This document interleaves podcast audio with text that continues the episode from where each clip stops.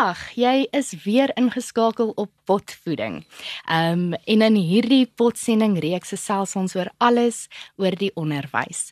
En vandag in die ateljee is dit ons groot voorreg om vir Prof Irma by ons te hê. Prof Irma, ons het al 'n paar keer met u gepraat en elke keer um is ons spyt dat ons dit nie in die publiek vasgevang het daardie gesprek nie. En dit is vir ons so lekker om vandag bietjie met u te gesels oor die vorige 200 jaar van onderwys en dan hopelik die volgende 200 jaar van onderwys wat bietjie anders gaan lyk like as die vorige 200 jaar. Natuurlik het ons ook vir Johan in die ateljee. Hy is ons gespreksleier en hier in die agtergrond sit Andrei Badenhorst, ons moderator. Indien ons dalk van die pad afdwaal, sal hy hierso ingryp. So baie welkom Johan en Prof Irma. Baie dankie Charlotte. Baie dankie Prof. Ehm um, eerstens ek het ek het bietjie vir Prof gaan Google. Ehm um, En toe wonder ek wat prof 'n uur gekry met ons tyd te spandeer. Ja. So, so ek sê regtig dankie. Dit is nogal merkwaardig oral waar prof betrokke is. Ehm um, en ons waardeer dit regtig. Vir ons is dit eintlik baie belangrik om hierdie gesprek en hierdie gedagtes in die publieke sfeer te kry dat ons almal oor dit kan gesels en so meer. Maar so my eerste vraag kom eintlik uit 'n foutjie wat ons gemaak het in die, eerste episode. Ehm um, ons het opvoedkunde en opvoeding as wisselforme gebruik. En ehm um, een van ons getroue luisteraars het vir ons laat weet dat opvoedkunde 'n wetenskap. So as prof ons dalk net bietjie want prof is nou dekaan van opvoedkunde gewees. Gewees. En ehm um, Sprof net vir ons bietjie vir vir die lesers ook want ek dink dis dis nie 'n ding wat ons mee baie oor gesels of of hoor nie. Net net bietjie gesels oor opvoedkunde, wat dit is en hoekom is dit belangrik om om onderwys eintlik vanuit 'n wetenskaplike benadering uit hmm. ja, te volg. Ja, opvoedkunde is 'n wetenskap, is met ander woorde 'n vakgebied wat kyk na die verskynsel van opvoeding in al sy forme of dit nou in 'n gesin of in 'n familie of in 'n gemeenskap of by 'n skoolgemeenskap is is die studie van van opvoedkunde ehm um, is die studie waar ons wil meer weet hoe leer mense ehm um, hoe ontwikkel mense en ehm um, hoe verbeter die wêreld as gevolg van dit wat ons leer wanneer ons besig is met op met opvoeding. Ja. So die die ehm um, wisselwerking waarvan jy praat wat gebeur dikwels, maar dis nie ek dink nie dis 'n groot kwessie nie. Wat belangrik vir my is is dat ons ehm um, betrokke bly by die fenomeen van opvoeding en in der waarheid dan van opvoedkunde die wetenskap. Dis eintlik vir mooi dat profet as 'n fenomeen beskryf want dit beteken hmm. dit is is eintlik iets kan mens sê magies. Hmm. Ja, dis dis iets wonderlik. Ehm um, maar nou as en ek kan verkeerd wees, maar so so prof kan ons nou 'n bietjie daar inlig. Die hoe groot is die gaping tussen wat opvoedkunde nou weet en wat onderwys nou doen? Dis 'n baie goeie vraag. Ehm um, en ek dink nie daar's 'n eenvoudige antwoord nie want die eerste uh ehm um, kwessie is dat jy moet weet waar vra jy daai vraag. Dit's hmm. nie noodwendig in al die kontekste ehm um, presies dieselfde nie. So daar kan kontekste wees waar dit wat ons in die wetenskap geleer het, waar die studies wat gedoen word, die resente studies dadelik toegepas word in praktyk. En dan kan daar weer kontekste wees waar daar niks van die beginsels van wat ons leer uit die wetenskap uit enigsins toegepas word nie. Inteendeel, ons kan selfs ehm um, verskynsels skryf waar die teenoorgestelde van wat moet gebeur mm. nog steeds in klaskamers gebeur. Daar's nog steeds ongelukkige klaskamers waar jy instap in 'n onderwyseres sal ehm um, kinders laat repeteer ja. en in in in in iets opsê. En terwyl in ander klaskamers word die nuutste bevindinge ehm um, toegepas en mee geëksperimenteer. So daai gaping is soms baie wyd, maar maar ander kere is hy lekker naby aan mekaar. Met 'n eh, uitdaging wat ons ervaar het en ek weet nie of of julle in die akademie dit ook ervaar nie, is die ehm um, weerstand om te eksperimenteer met kinders. Ja. Ja. Ons praat nou vandag, uh, Charlotte het net nou gesê ons praat oor um, onderwys en opvoeding en opvoedkunde in die vorige 200 jaar. Ek dink Dis 'n baie goeie ding. Ons is almal baie huiwerig om eksperimente te doen met ons kinders. Mm. Dit, ek dink dis deel Dit is 'n goeie ding dalk. ek dink ek dink is 'n goeie ding, maar dit is soos met alle goeie dinge te veel van 'n goeie ja. ding behalwe te tevrede te voet en te perd. Ehm um, moet mens miskien 'n oopheid hê om te regtig te dink oor wat hoe lyk klaskamers en hoe lyk skole vandag? Want ons werk eintlik nog met die met die model van 200 jaar gelede mm. waar ons 'n paar kinders in rytjies gesit het en 'n onderwyser in 'n klaskamer gesit het en in in die kernvakke geleer het en dit was baie eenrigting verkeer geweest. Sedertdien is daar 'n huiwering om te eksperimenteer want wie wil nou met 'n hele geslag kinders eksperimenteer? Ja. Dis baie gevaarlik. Ja. Ehm ja. um, en wie gaan al vrywilligers wees om hulle eie kinders of dan self self te sê, "Goed, kom ons doen hierdie eksperiment met ons kinders." En hier in Suid-Afrika weet ons byvoorbeeld met die eksperiment met uitkomsgebaseerde onderwys hmm. wat redelik rampspoedig was. Ehm um, dit dit bringe huiwering in mense na vore om nie te wil eksperimenteer nie. Maar terselfdertyd kan daai huiwering ook gevaarlik wees want dit beteken ons hou net aan met wat ons ken mm. en ons probeer niks nuuts nie en ons kyk nie na wat die wetenskap vir ons sê van wat goed is vir kinders nie. Ehm um, jy hoef nie 'n uh, wetenskaplike te wees om te weet dat alle kinders leer anders nie. Mm. En dat vandag se kinders leer nie net by een persoon nie. Inteendeel, hulle leer by die hele wêreld. Hulle leer deur tegnologie, hulle leer deur die volwassenes, hulle leer by mekaar. So ek dink die kwessie van eksperimentering is miskien iets wat baie sensitiwiteit het, maar waar ons moet 'n oopheid begin kweek om ehm um, te wil weet van hoe dit dalk moontlik anders kan wees in die toekoms. Want as ek nou dink aan 'n uh, onderwyser en kyk onderwyser is nie wetenskaplike nie. Ehm um, en dit is nie 'n aard noodwendig. Hulle hulle uh, onderwyser het 'n ander aard en dit en dis goed. Maar en en dit wat prof nog gesê het, jy hoef nie wetenskaplike te wees om noodwendig te eksperimenteer nie.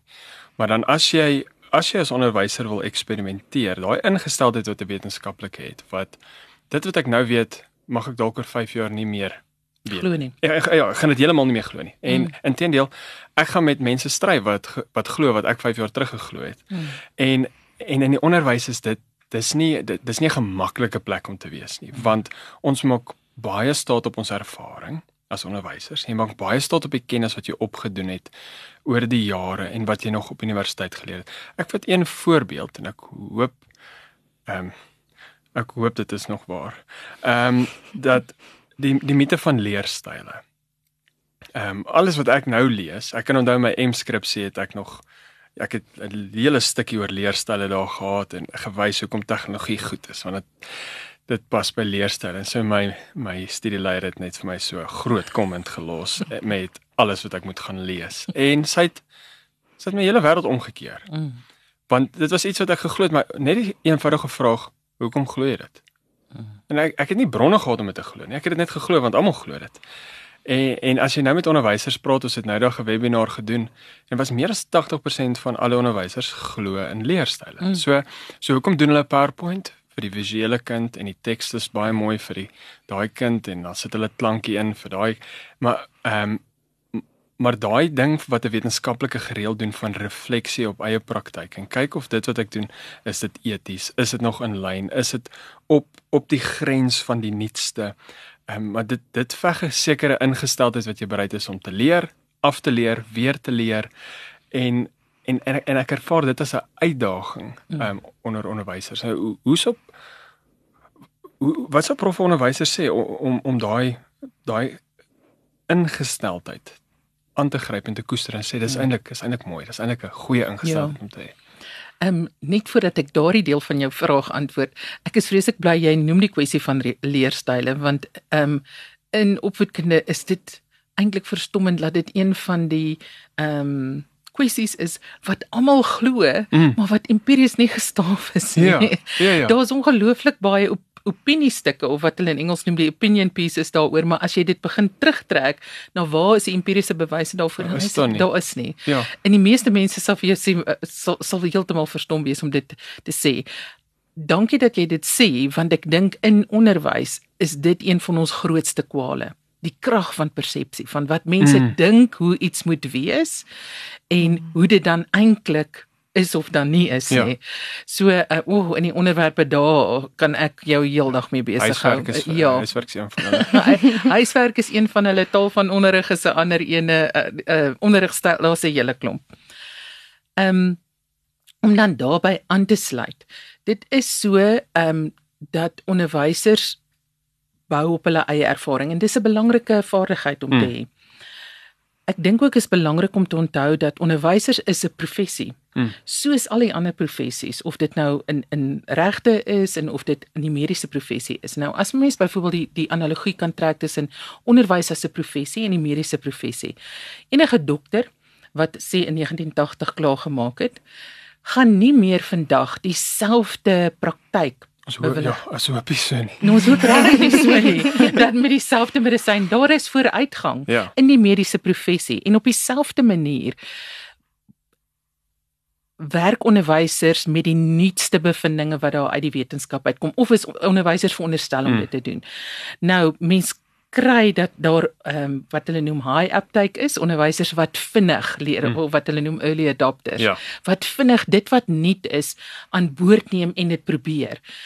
Elke keer in die wetenskap wanneer ons iets nuuts uitvind, word dit dan aangeval en gekritiseer en dan partykeer te lig bevind en dan weer verwerp. Dis hoe die wetenskap groei. Dit is wat Thomas Kuhn gesê het in the structure of scientific revolutions is eintlik verwerp ons die heeltyd dit wat voor wat vooraf gegaan het om dan iets nuuts en beters te aan te hou skep. En ek dink dis belangrik dat ons daardie ingesteldheid in onderwys miskien 'n bietjie meer prominensie gee. Onderwys as 'n professie Mm. wat heeltyd wil verbeter en heeltyd wil leer vanuit die wetenskap van opvoedkunde. Absoluut en ek dink 'n uh, voorvereiste om dit um om, om onderwysers daai professionele gesag te gee is om hulle ook te vertrou Ja. en vir hulle die autonomie te gee Ja. om dan in hulle klas dan te kan eksperimenteer Ja. en dit wat hulle gister gelees het te toets en te kyk of dit werk en 'n paar aanpassings te maak en ons sien ongelukkig meer en meer word die die grade van vryheid al hoe minder Mm. vir 'n onderwyser. Mhm. En jy kan nie jouself as 'n professionele persoon ervaar as jy geen vryheid van denke het. Mhm. En as as as elke dag vir jou voorgeskryf word en vir jou Mm. gesê word ehm um, en en as jy eintlik geen insaag het op die manier van hoe jy gemeet word nie.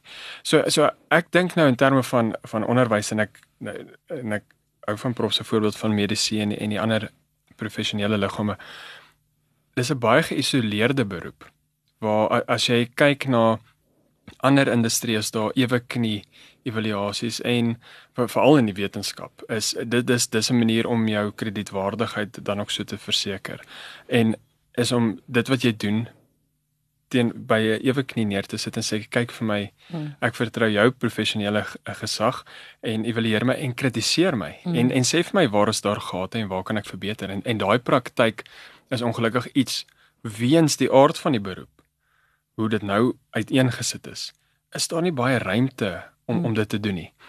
Ehm um, ek weet in die verlede was IQMS daar nou is dit net QMS en oor 'n paar jaar is dit MS en dan is dit S waar waar die hele idee is om ewe knie assessering te doen en in mekaar se klaskamers te sit en so maar nou meeste mense waarmee ek self ek self sou dit ook al gesê die skole waar ons was dan sit ons in 'n personeelkamer dan doen ons almal gou eendag en vul ons net gou al daai Ja. goeders in want want iemand het Ja, gesê nee, ons dis moet dit baie doen. oppervlakkig. Ja. Dis jy moet net die papier ingevul Ja. kry teen 'n Ja. sekere datum. Dis Ja, en, en, en die doel die doel van dit word dan nie gedien nie. So Ja. so ek dink o- ons kan die hele tyd sê vir onderwysers, neem daai professionele posisie weer in en en word die meester in jou klas en en toets die beste praktyke. Moenie moenie alles weggooi nie. Moenie baba in die badwater uitgooi nie, maar maar meer dit wat ons nou het teenoor dit wat jy nou het en laat die beste een wen. Hmm.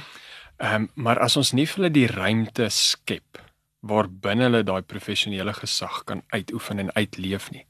Weet ek nie of of of dit enigstens moontlik is op 'n groot skaal om onder die onderwys denke te verander. Ja, want wat prof het vroeër genoem, daar is in eh, daar's baie klaskamers, dit hang af van die konteks waar dadelik die nuutste dinge Mhm. geïmplementeer word en meer gehardloop word en dan sou weer ander kontekste wat net glad nie eers daarna kyk nie. En toe sit ek nou en dink terwyl jy gesels, maar wat is dan nou die die konteks wat verskil en wat wat ek nou maar net dink is dat die onderwyser het die ruimte en die vrymoedigheid om daai verskil te maak. Ehm ja. want die ander kwessie wat daarbey aanhaak is niemand wil met hulle kinders eksperimenteer nie en nou wil jy hierdie nuwe drastiese omgekeerde klaskamer in jou klas nou doen maar nee ons moet die ouers se toestemming kry. Wat gaan die ouers sê?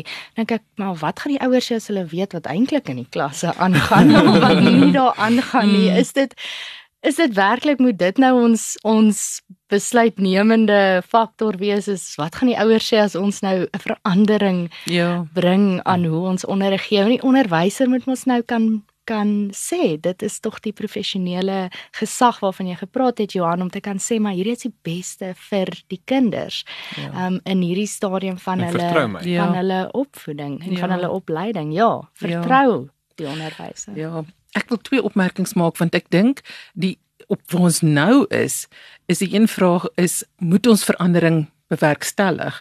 Maar ek dink ons moet ook die vraag vra wat gaan gebeur as ons dit nie doen nie? Ja. ja. Wat is die prys wat ons gaan betaal as ons Absoluut. nie die onderwysstelsel aanpas vir die kinders van vandag Hmm. vir die wêreld van die toekoms nie? So daai prys is amper nog duurder dis as wanneer ons duurder. dit nie gaan doen nie. Dis die Mhm. een opmerking wat ek wil maak. Die ander opmerking wat ek wil maak, uh, Johan, en dit sluit aan by jou stelling dat ons moet 'n ruimte skep. Binne daardie ruimte moet ons die nodige ondersteuning vir onderwysers gee. Mm. En die rede hoekom ek dit sê is dit is die enigste professie waar daar nie addisionele beroepe rondom die kernfiguur is wat die onderwyser is nie.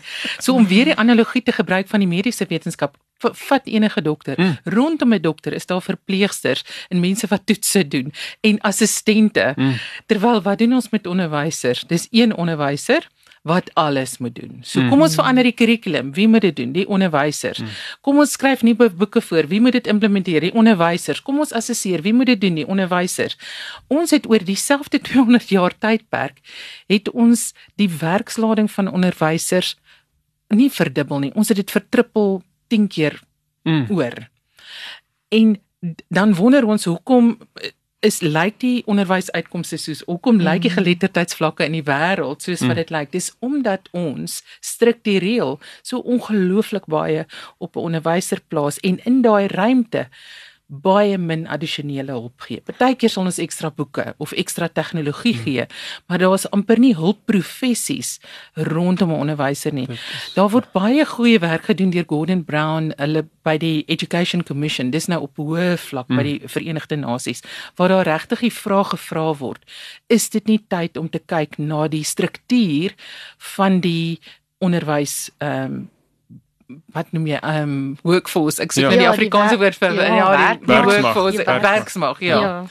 is dit nie tyd om intensief daarna te kyk en dan verskillende beroepspaadjies te um, te eh, te hê binne binne daardie hulpprofessies rondom die kernrol van 'n onderwyser. Want ons weet daar's mense wat baie belangstel in assessering. Hulle Mm. hou daarvan en hulle en ander mense wat sê nee, ek wil onderrig gee. Ek wil voor 'n klas Mm. staan en so is dit nie miskien tyd om 'n bietjie te reflekteer en te kyk hoe kan ons hulpprofessies rondom onderwysers skep wat regtig hulle lading sal verlig en ehm um, en van hulp kan wees tot die vir die vir goeie onderwysuitkomste nie. Nou goed, nou wil ek net 'n laaste caveat hier byvoeg. Die meeste onderwysers sal sê as as jy vir my hulp uitdink en dit maak gee vir my nog werk dan nee dankie. Ja, dan ja, sê ja, ja, ja. dis daai Engelse ding wat hulle sê if this is your solution I want my problem back. dit, ja, so ons moet as ons dink aan hoe ons dit wil doen, gaan ons moet luister na wat onderwysers se behoeftes is Mm. en wat hulle dink ehm um, gaan help as hulpprofessies. Nie wat ons noodwendig dink vanuit die wetenskap nie want ons het nou die gesprek vandag begin rondom opvoedkunde as 'n wetenskap en ek dink dis een van die vreugdes vir my om in hierdie vakgebied te werk al die afgelope 30 jaar is meer kere as nie leer ek meer Mm. by die skole en by die onderwysers waar ons ons navorsing doen as wat hulle ooit by my sou kon geleer het. So daai invloed van die praktyk af na die teorieontwikkeling toe is vir my 'n baie belangrike kwessie. Um, ek dink nou aan ehm um, sê net maar 'n uh, onderwyser gesentreerde benadering of 'n leerder gesentreerde benadering of dan kry jy leer gesentreerde benadering en al. En ehm um, en ek het so ek het terug gaan kyk byvoorbeeld Finland was Japan en Singapore. En en hulle stelsel is gesentreer om die onderwyser. So Mm. dit is om daai onderwyser die nodige hulpbronne te gee. So ek het 'n spesifieke diagram gesien in in Singapore al die elemente wat om die onderwyser gebou is om seker te maak Mm. daai persoon kan sy of haar Mm. kernbesigheid tot die beste van hulle vermoë doen. Ehm um, waar in ons konteks is dit net nie so nie. In ons konteks staan daai persoon alleen. Nie net is hy die die meester van assessering nie, hy is ook die meester van die onderrig, hy is die meester van die sport, hy is die meester van die kultuur, hy is die Mhm. meester van en hy moet op alle vlakke alles wees. Nou aan die een kant Altyd. altyd. Altyd. Nou aan die Ja. een kant vir 'n tipe persoonlikheid is dit ongelooflik bevredigend. Mm. Net dit en eh, ek kan onthou die kiek wat ek daai uit gekry het. Mm. Maar dit is nie volhoubaar nie. Mm. Ons want want iewers iewers brand jy uit of of of iewers hardloop jou tank net leeg. Ja. Ehm um, en en as ons wil hierdie beroep moet volhoubaar wees want dis nou gemiddeld 3 tot 5 jaar wat iemand in die beroep bly en dan tree hulle uit. Ehm um, en dis dis ehm um, dis nie iets wat teen die pas wat dit nou aangaan. Is dit nie iets wat jy vir 30, 35 jaar gaan kan volhou nie.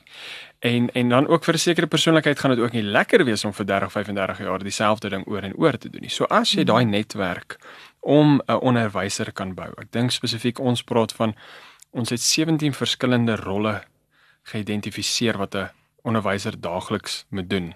En hy moet wissel tussen daai rolle. En dis net oor leer. Ja, dis net oor leer. Ja, dit Ja. gaan net nou Dis oor. buite kan die klaskamer nie. Ja. Ja, dis nie eers voete staatwerk in daai geval. Ja. Ehm um, en en hy moet wissel tussen daai rolle in 'n oogwink. Hmm. En hy moet in alles van daai die beste wees. Anders uh, staan daar ry ouers met ouer aand. Hmm. En en en eerstens is nie regverdig nie, maar maar, maar tweedens is ook nie optimaal nie, want elke onderwyser het 'n bepaalde talent en bepaalde gawe, bepaalde voorkeur en dit is seker 'n kernbesigheid. En as jy die regte groep onderwysers kan saamstel, dan kry jy nie net die beste van almal nie, maar jy kry die jy kry nie net die plafon van elke individu nie. Die plafon word ewe skielik hoër Mm. baie hoër. En, en maar daai daai is 'n uitdaging om om 'n groep onderwysers want dis 'n heeltemal 'n kultuurskuif mm. -hmm. want ons het nog altyd onderwys gesien as 'n 1 tot baie. Mm. En nou sê ons dis 'n baie tot baie. En ehm um, maar ek dink jy kan die huishouding as 'n goeie voorbeeld vat. 'n Huishouding wat dit 1 tot die kinders is teenoor 'n huishouding wat dit 2 te, tot die kinders is. Wat die een is die mees effektiefste. Ehm um, en ons het dit ons het dit getoets by 'n skool. Ehm um, is nou al by 2 waar ons 'n groep onderwysers saam sit en ons sit hulle in 'n vertrek en ons laat hulle gaan. En en wat wonderlik is, die hoof van hierdie spesifieke skool struktureer ook al sy goeders om die onderwysers. So sy sy groot ding is is om die vuurige pile van die ouers af te weer. Mm. En hy Mm. en hy doen dit. Mm. En hy vertrou sy onderwysers. Mm. Daai juffrou, ek kan onthou staan so sy kom, sy sê nou noem sy al hierdie idees wat ons gesê het wat nou kan ek hierdie hoof se se oë sien. Hier is vir hom volksvreemd. Maar hy sê, juffrou, ek vertrou jou. Wat ook al jy besluit, ondersteun ek. Mm. En daai net daai ondersteuning skep die ruimte. Mm. Nou doen ons 'n toets daar by daai skool, hardloop 3 weke hierdie mense eksperimenteer. Hulle gaan slaap 7 uur in die aande. Hulle is doodmoeg, maar hulle werk hard, maar hulle geniet dit. En ons gaan ons gaan weg terug kantoor toe 'n paar weke later kom ons daar en ons sien wat het hier gebeur. En omdat daai ruimte geskep was en daai energie was losgemaak, het daai onderwysers goed gedoen wat ons het nog nooit aan gedink het nie. En ja, hulle ons het gedink ons bring die planne na hulle toe, maar Ja. hulle Ja. hulle het toe die planne Dis hoe dit hoort. Ja. Ja. en, en en dit is wonderlik. Ja. Ehm um, dit wys ook net waarna toe ons onderwysers in staat is as jy vir hulle die ruimte gee om hulle professionele gesag. Mm. uit te oefen. Ja.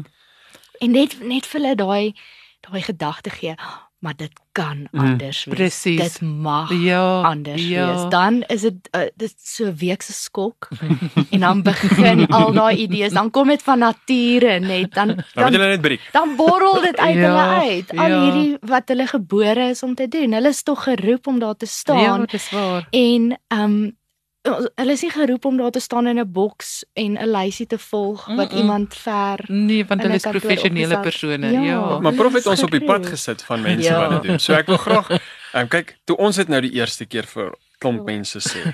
Toe het dit hulle het dit nou nie goed gesluk. Toe ons nou sê nee, die oplossing is baie onderwysers, baie kinders in een vertrek. En ja, dit het regtig nie goed afgegaan nie. Toe sê ons prof Irma sê. ja. Dis nie ons sê okay, kom ons luister. Ehm um, so so Ja. as- asseblief want dit dis regtig 'n vreemde begrip. Mm. Kyk, die woord wat jy daar gebruik het is 'n uh, uh, vertroue. Mm. Is ek dink een van die belangrikste kwessies in die, in so vernuwing in die in die onderwysstelsel. want jy moet mekaar kan vertrou. Wat daarmee saamgaan is hoe dink jy oor foute? Mm. Want ek dink dis die ander ding. Ons is baie keer so bang om foute te maak. Net ons wil nie foute maak nie. Maar soos met ander alle ander aspekte van die wêreld, dis nie die fout noodwendig wat die grootste kwessie is nie. Dis wat jy maak wanneer daar 'n fout is. So mm. wanneer jy 'n omgewing het wanneer waar daar hoë vlakke van vertroue is, kan mense veilig genoeg voel om 'n fout te maak en dan dit uh, eienaarskap daarvan te sê ek het hierdie probeer dit het glad nie gewerk ja. nie ek gaan nou iets anders probeer oor hierdie en hierdie rede. En dis hoe ons leer. Mm. dis die dis die natuur van van die leerproses is om in 'n veilige omgewing te kan foute maak sodat jy kan beter doen in die toekoms. In plaas van om 'n vrees te hê van o as ek 'n fout gaan maak is dit die einde van die wêreld. Want wat doen ons terselfdertyd wat ons die stelsel verbeter? Ons wys vir kinders hoe jy leer uit foute. Mm. dit is die een kwessie. Die ander kwessie dan ook as jy baie onderwysers en baie kinders in dieselfde leeromgewing het vra jy ook iets anders. Jy vra baie kommunikasie en jy vra goeie verhoudings tussen almal in daai stelsel om te kan kommunikeer en te sê ek het gister toe ons die tema water gedoen het met hierdie kinders en ons het nou liedjies oor water gesing of ons mm. het die geografie van landskappe bespreek in in in die rol van van water daarin om te sê ek het hierdie en hierdie opgetel. As jy vandag met hulle hierdie en hierdie doen, kyk asseblief daarna. So daai oop kommunikasie is krities. Mm. Anders te gaan jy nêrens kom nie. So daar's 'n stel nuwe vaardighede wat, eintlik nee, miskien moet ek nie sê nuwe vaardighede hmm. nie. Dis nie Dis die afstof van ou vaardighede. Presies, dis die afstof van ou vaardighede wat dalk meer gebruik gaan word in die nuwe stelsel. Hmm. So so wat dink prof is die rol van assessering in die in in ons vrese om foute te maak? Kyk, die assesseringsveld, o genade, dis 'n hele ander veld. Is ek dink 'n baie opwindende veld op die oomblik, want daar's in op 'n baie hoë vlak is daar baie bevraagtekening van hoe ons assesseer alle vlakke in die skool vandag.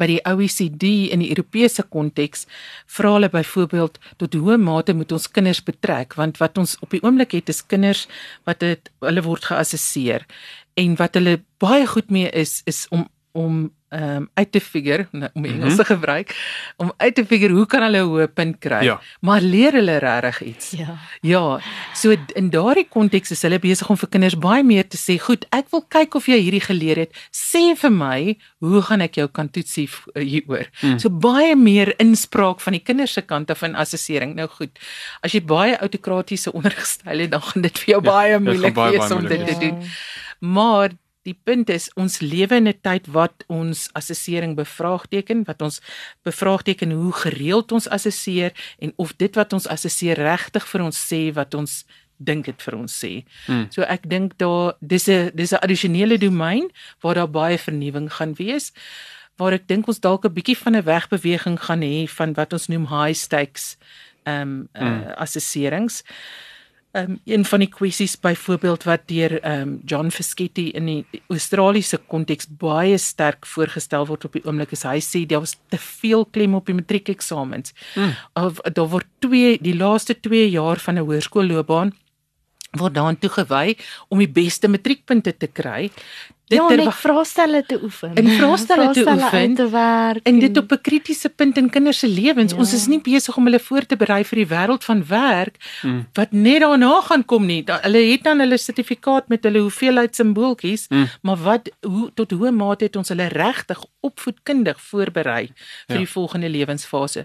So ek dink die bevraagtekening van assessering as 'n geheel is ook 'n baie gesonde tendens wat ons op die oomblik sien. Ek kan onthou, ehm um, ek dink dit was 2011 het die NWE 'n studie gedoen oor ehm um, die deurvloei van van matriek af deur die ehm um, ingenieurskampus. Ja. En hulle het toe agtergekom o, gats. Dit wat ons gedink het die matriekpunt vir ons sê, sê hy nie vir ons nie. Ja. Want in die in die ingenieursgroep was die die groep gemiddeld was iets soos 85 of 87. Dit was so 'n mm. belaglike hoë gemiddeld. Mm. Ehm mm. um, so jy sal nou verwag, o, oh, ek sit met die room van die room, maar die deurvloei was skokkend laag. Dit was soos mm. hierdie mense is eintlik veronderstel om almal dit te maak, mm. maar hulle maak dit ja, nie. Ja, maar die matrieksertifikaat ja. het nie gesê hoe hard kan jy werk ja, ja, hoe lank kan jy ja, deurdruk ja, of, of, ja. het, of het jy eintlik of het jy eintlik geleer? Maar nou dink ek aan daai ja. skool by wie ons die toets gedoen het. Hulle het vinnig vinnig besef as ons nie die manier van ons assessering as 'n groep aanpas nie, gaan die ouers baie vinnig vir ons kom vra vra hoekom doen ons wat ons doen. Ja. Ehm um, want as ons ons het hulle het geïntegreerde assesserings. Nee, dis 'n openbare skool en hulle besluit om goed te integreer. Hulle integreer van beweegkunde, NWI en wiskunde mm. en en dit is net ongelooflik en elke keer as hulle ons sien, kan mens mens moet hulle stil maak op 'n punt want hulle hulle borrel net. Hulle wil net mm. nog en nog. Jy, jy jy gaan nie daar wegstap net sommer in 'n mm. 10 minute gesprek nie. Maar um, in elk geval so toe bel die juffrou my sy sê hoor jy ons gaan nie hierdie hierdie Junie eksamen skryf nie ons gaan nie eksamen doen nie ek sê vir wat sy sê nee dit maak nie regtig nou sin om eksamen te doen nie dis ah, baie braaf ja ek dink my myself hoe kom jy weg daarmee sy sê ons doen dit net ja en um, so ek gaan nou nie die skool se naam sê nie want dit is dalk iemand daarop um, en en toe ek nou met klomp kollegas deel en toe sê hulle o oh, gats nou hoe gaan hoe gaan ons weet of die kinders geleer het? Mm. Daar's my vraag, wie sê vir jou of die kind geleer? Die professionele persoon mm. of die toets? Mm. So eintlik wat jy dan sê is jy vertrou nie die professionele gesag van die kenner nie. Mm. Jy wil dit verifieer met 'n toets. Ja. En dit het ons het 'n groot probleem daar, want mm. in in in in die groter landskap vertrou die die staat nie al die onderwysers nie, want nie almal is bevoeg nie. So mm. hulle het nodig mm. om 'n toets daar te sit. Ja. Sodat hulle die Ehm um, ek bedoel daar was ek dink is verlede jaar jaar voor 'n 12 hoërskole met 'n 0% slagsyfer. Ja. So so hulle het nodig hulle gebruik ongelukkig maar toets om te kyk waar doen onderwysers in hulle werk nie. Maar in ons skole wat funksionerend is, moet jy die onderwyser vertrou. Mm. Jy moet. Ehm um, andersins uh, ons sê altyd assessering dikteer pedagogie. Ja. So as ons nie as 'n on, ons praat van 'n meesterkring, 'n groep opvoeders, as ons nie die assessering ook gaan aanpas nie. Mm. -mm. Dan gaan ons nêrens kom nie. Ja, ons gaan nêrens ja. kom. Die ehm um, enige onderwysstelsel, geen onderwysstelsel kan die kwaliteit van sy onderwysers uitpresteer nie. Dis jou plafon. Wag, wag, ek wil daai weer. Hmm. Ja. Okay. Toe maar ons ek neem op. ons sal ons sal Ja. Ek gaan daai gebruik in 'n argument ja. iewers in my. Ja, my dit jou kwaliteit van jou onderwysers is hoe goed jou onderwysstelsel ja, is. Dis in die middel van alles. So ek dink ehm um, jy het net nou verwys na die onderwyser gesentreerdheid. Ek dink dit is ongelooflik belangrik. Leerdergesentreerdheid het ook sy voordele, maar ek spot altyd en sê toe ek 'n kind was, het niks het rondom my gedraai nie. Nee. Baie dankie daarvoor. ja. Dit is ek dink jy sit 'n groot las op kinders mm. deur alles om hulle te laat draai. So die onderwysers ges, uh, gesentreerdheid is direk gekoppel aan die kwaliteit van die breër um, onderwysstelsel. Ja, jy het net 'n ek wil ek wil aansluit ook by jou opmerking oor die meesterskringe um, professor J Jennifer Gore van um, Australië se werk by Newcastle.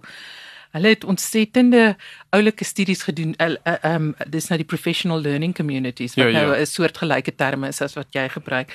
Wat eintlik gewys het onderwysers leer eintlik niks by enige ehm um, professors van universiteite of nie. Hulle leer by mekaar. Mm. Hulle hulle sal meer leer by die onderwyseres reg langs hulle as as by ander mense en dit is mm. hoekom dit so belangrik is om te belê in daai gemeenskappe van onderwysers want hulle deel hulle mm. beste praktyke die lesse wat hulle nou geleer het in daai gemeenskaplike leer lig die hele stelsel Ja maar nou sit jy 'n splinter nuwe jong onderwyser varsheid universiteit uit waar hy nou kom ons sê maar niks amper niks geleer het nie alleen in sy vier mure saam met 'n groep kinders. Party ja. van hulle sit jy sommer hierso by by baie kwesbare ouderdomme ja. in sekere fases en ehm um, En nou moet hy dit net maak werk. Ja. En ons maar, maar, hoop hy kom reg, maar ja. ons verwag hy moet net dadelik weet wat om te doen. Ons sal dit nooit met 'n dokter doen. Nee, nee, ja. nee, nee, nee. Ons sal dit nie met 'n jong prokureur doen. Ja.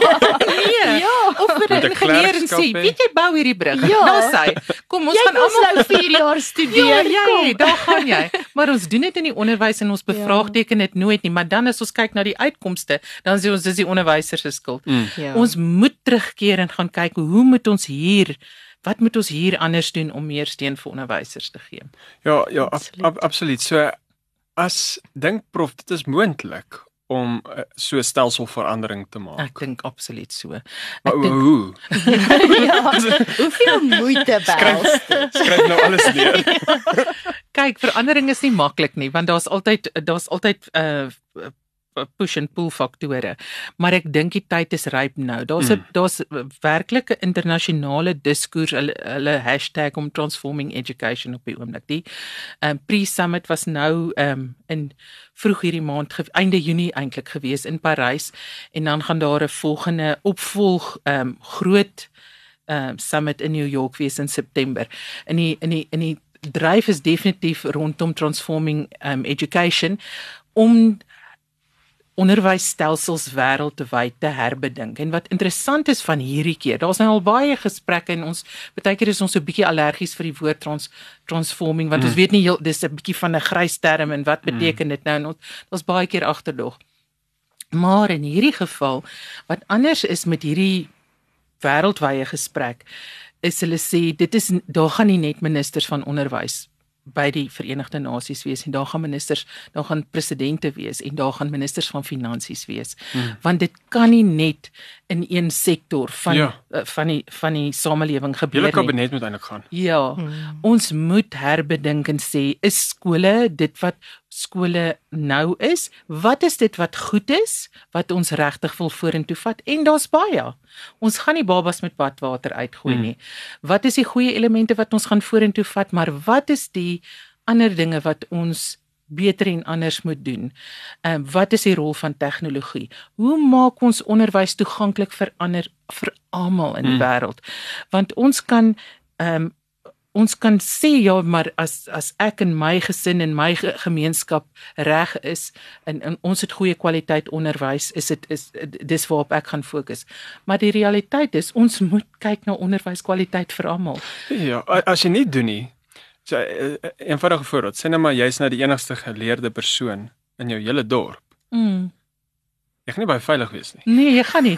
Presies. Dit gaan nie goed gaan met jou nie. Nee, dit gaan nie. Dit is dis Ja, jy in jou beste belang nie om seker te Ja. maak almal is so Ja. opgevoed Jy soos kan wat nie hulle is. vooruit gaan as niemand anders om jou kan vooruit Presies. gaan. Ja, ja, so dis daai daai gedagte van gelykheid, Ja. maar die die die stryk waarin 'n mens daar kan trap. Ehm um, en en soos wat ek nou nou waarneem wat gelykheid nou die hele tyd in trap is. Die enigste manier om vir almal te gee, 'n ge- gelyke toegang te gee is om vir niemand niks te gee nie. Ja. Ja, dit is ongelukkig so is of om van Of iemand anders of om van iemand anders weg te vat. Ja. Dit dit is nie die kwessie wat op die hoë vlakke bespreek word Ja. op die oomblik nie. Die daardie internasionale gesprekke gaan oor hoe maak ons dit toeganklik vir almal? How do we lift all the boats? Mm. En mm. sodat die gety styg vir almal. Mm. Sodat die vatbaarheid vir baie gevaarlike ideologiese idees Mm. nie so hoog is in 'n ongeletterde populasie nie. presies. So sodat ehm um, uh, uh, kriminaliteit aangespreek kan word deur verhoogde geletterdheidsvlakke. Want want want demokrasie is gebou op 'n aanname dat die gemeenskap geletterd is. Ja, Maar anders is dit nie demokrasie, Presies. anders is dit anargie. As as ek bedoel, ja, ja, as jy klomp skelm skry om te stem, beteken nie omdat almal saam gestem het dat hulle die regte ding gedoen nie, maar ja. ehm Mm. um, so dink prof on, ons gaan hierdie verander van 'n top-down of 'n bottom-up. Ek dink die, van onderaf is die is waar die impetus die sterkste moet wees.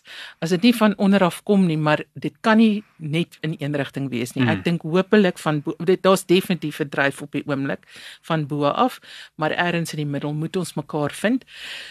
Vir my is die ehm um, een van die belangrikste kwessies is die beplanning rondom rondom verandering en transformasie in die onderwyssektor want dis wat ons kom baie keer met die idee en dan wil hy van bo af word hy afgedruk hmm. maar dan was daar nie die implementeer daar was nie die beplanning vir die implementering nie uitkomsgebaseer. ja om enige enige integrale verandering te bewerkstellig. Ons praat hier van 15 15 jaar tydraamwerke Mm. waar as jy regtig wil verandering indien nie langer nie. Eintlik 15 15 is eintlik nog bietjie kort.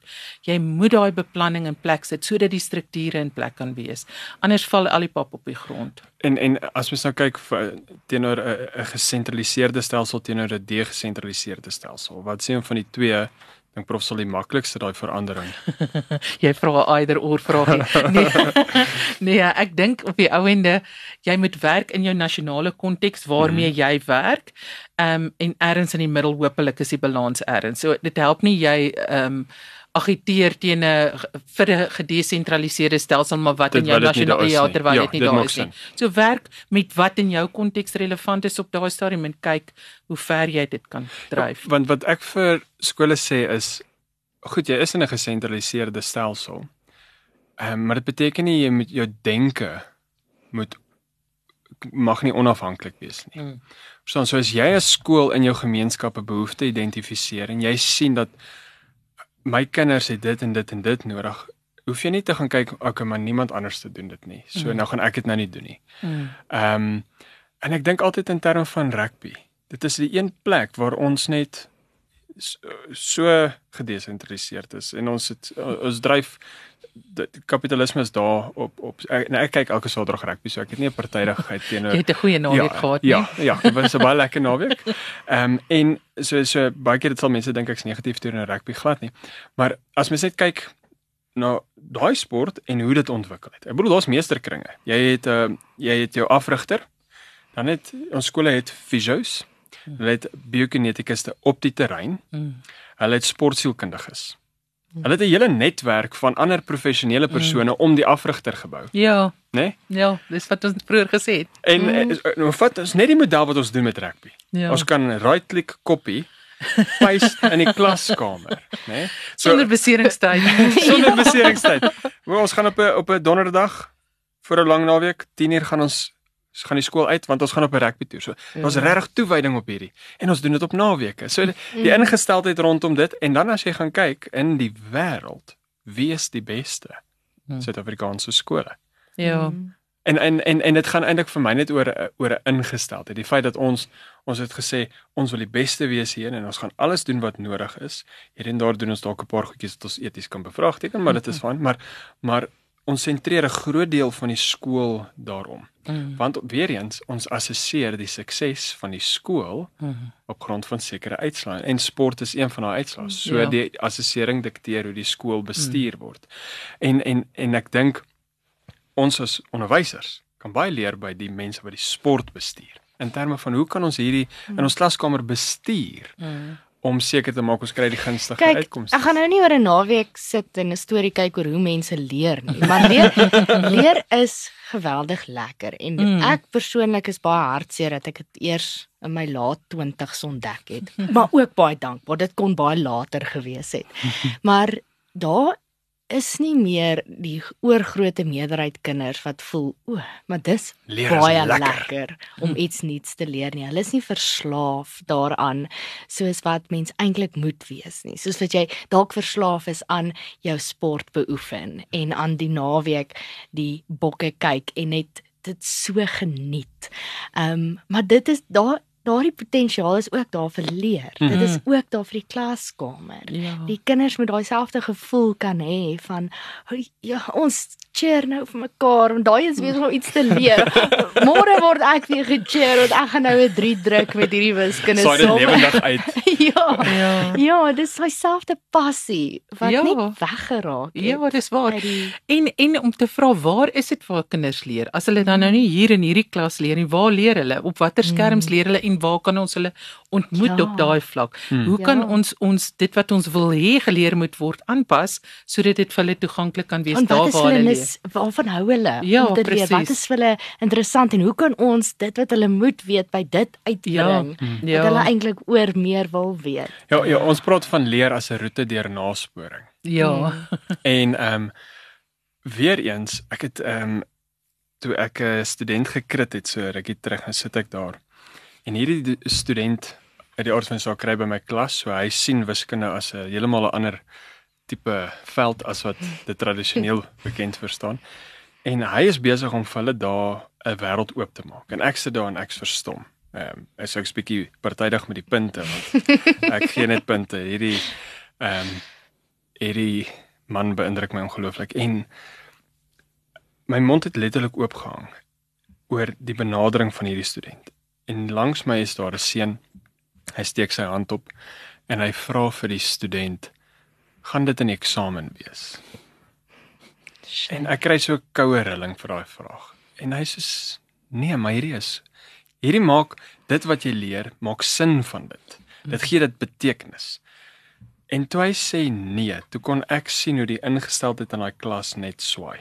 Mm. Penne gaan neer. Oh, Mm. Dankie tog, ek hoef hierdie neer te skryf nie. Ja. Ek hoef hierdie te onthou nie. Ek hoef Mm. hierdie te weet nie. So so daai ingesteldheid van van leer, ehm um, dat ons leer ter wille van punte, nie Ja. leer ter wille van leer nie. Presies. Ehm um, en en en ons as as onderwysers moet dit ook inkoop en eintlik al, al ons dit vir die kinders kan kan modelleer is deur die heeltyd te leer. Mm, self. Deur Ja. hulle te wys hoe lyk Mm. iemand wat die Ja. Nou dan kom jy in die klas juffrou het dit gister gesien of sy het dit gister gesien of ek het baie keer aan ek het, ek moes programmering gegee het ek het per ongeluk in my onderhoud en ek het nie gejok nie. Maar hulle het my gevra kan jy programmering aanbied?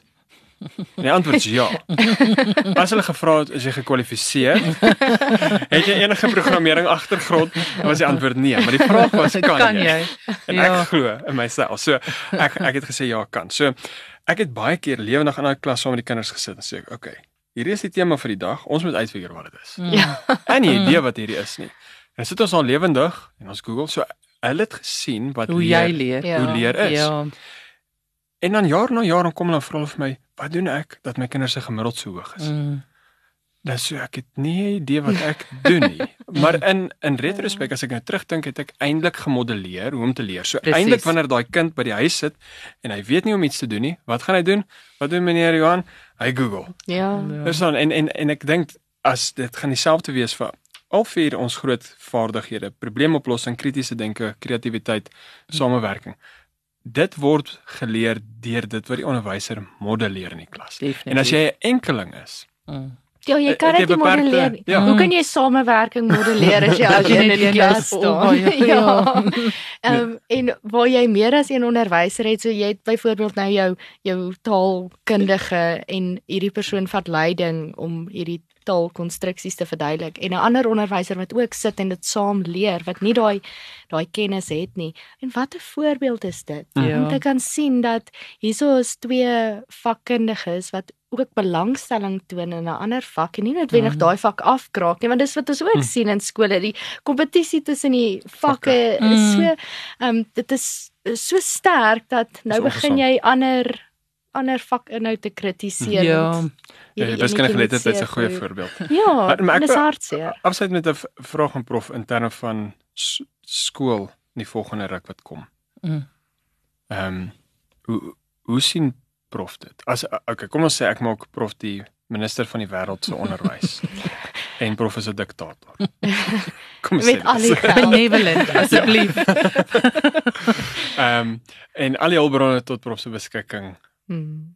Wat sal ons sien? Ek sal wil hoor wat onderwysers sê. Ek sal wil hoor wat is dit wat ons wil vorentoe vat wat goed is wat werk in die bestaande stelsel en ek sal wil hoor by onderwysers en kinders wat is dit wat hulle graag in die toekoms sal wil sien wat sal werk. Klein inkrementele veranderings, maar wat oor 'n lang tydperk ehm um, geïmplementeer word. Dink ek is die pad vorentoe. As jy 'n enorme transformasie agenda gaan propageer, gaan jy almal verloor want mm. weens die vrese waar ons ehm um, vroeër gepraat het vandag. Ehm um, en dan dink ek moet daar die nodige langtermynbeplanning wees. Ehm um, want en jy moet jou onderwysdepartemente saamvat Hmm. om dit wat relevant is in 'n nasionale konteks in gedagte te hou. So hoe sal daai kinders dan lyk as hulle uit 'n skool is wat so wel deurdag beplan is en die transformasie het geleidelik gebeur, goed beplan is geïmplementeer, almal is ingekoop. Hoe dink prof sal daai kinders lyk wat daar uitstap? Dit sal kinders wees wat sal aanhou leer deur hulle hele lewe Okay. en wat 'n vaardigheid het om probleme wat ons nou nie eers weet gaan bestaan in die toekoms nie, te sal kan hanteer. Dat ons hulle vir hulle die vaardighede, die kennis en die ingesteldheid kan gee om dit wanneer dit op hulle pad kom te kan hanteer. En dan net my laaste ding, dink prof, sulke kinders sal die gemeenskappe waar hulle is beter maak of dieselfde los? Hulle sal dit definitief beter maak. Goeie vraag. ek dink dis vir my een van die mooi dinge van wat ons nou noem die millennials hmm. generasie is regtig die sterk ingesteldheid om die wêreld 'n beter plek te maak om wat hulle noem die wicked problems te vat en waar waar die ander mense wegduins daarvan en sê o, okay, ek gaan probeer om hier 'n verskil te maak. Hier's mense in 'n gemeenskap wat nie kos het nie of hier is mense wat waar daar lae ongeletterdheid of hoë ongeletterdheid is kan ek 'n verskil maak. So ek dink definitief beter. Ja, baie dankie prof. So eintlik wat ek hoor is dat onderwys is die antwoord vir al ons probleme. nee, nee. Ja, jy hoef my nie te oortuig. Veranderde onderwys. ja. Ja, so baie dankie. Ek waardeer dit. Dankie prof. Dankie het, dat ek kon hier wees. Ag ja, ek het nou myself so ingeleef in prof se antwoord. Ek nou heeltemal my afsluiting vergeet om my afsluiting hier neer te skryf. So ek gaan hom nou sommer net gooi.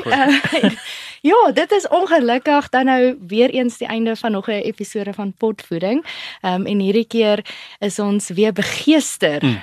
om te doen wat ons moet doen om seker te maak dat die onderwys oor 200 jaar nie dieselfde lyk as 400 jaar voor dit nie. Baie dankie Prof Irma, dankie Johan en aan elkeen wat saam geluister het. Dink saam met ons, praat saam met ons en dan die belangrikste van alles, doen saam met ons. Tot volgende keer.